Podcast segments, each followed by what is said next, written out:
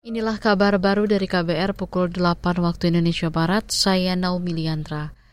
Saudara sejumlah bekas pemimpin Komisi Pemberantasan Korupsi KPK mendesak Dewan Pengawas menonaktifkan sementara Ketua Firly Bahuri. Salah satu bekas Wakil Ketua KPK Saud Situmorang mengatakan penonaktifan Firly agar saat diperiksa Dewas tidak ada konflik kepentingan.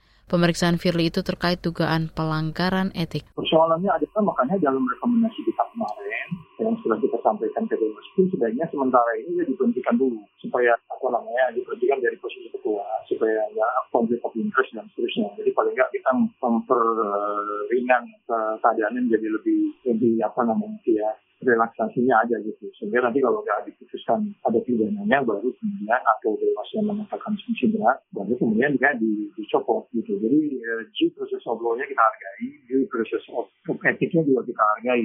Karena ada potensi juga untuk menimbulkan masalah baru, komunikasi-komunikasi yang Bekas Wakil Ketua KPK Saud Situmorang juga mendorong Presiden Joko Widodo mengeluarkan peraturan pemerintah pengganti undang-undang atau Perpu untuk membenahi semua permasalahan di tubuh KPK.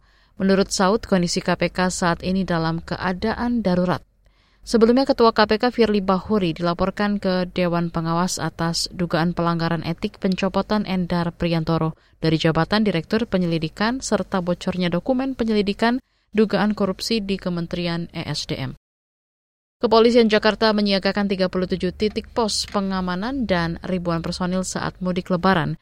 Juri bicara Polda Metro Jaya Truno Yudo Wisnu Andiko mengatakan telah menyiapkan upaya untuk mengatur lalu lintas agar tidak terjadi kemacetan serta kecelakaan saat mudik. Pos pengamanan arus mudik dan arus balik ada 37 titik pos pengamanan. Kemudian personil yang dilibatkan dalam operasi Ketupat Jaya 2023, pelibatan kuatan personil ini terdiri dari beberapa unsur, beberapa elemen ya, yang totalnya berjumlah 6.544 personil.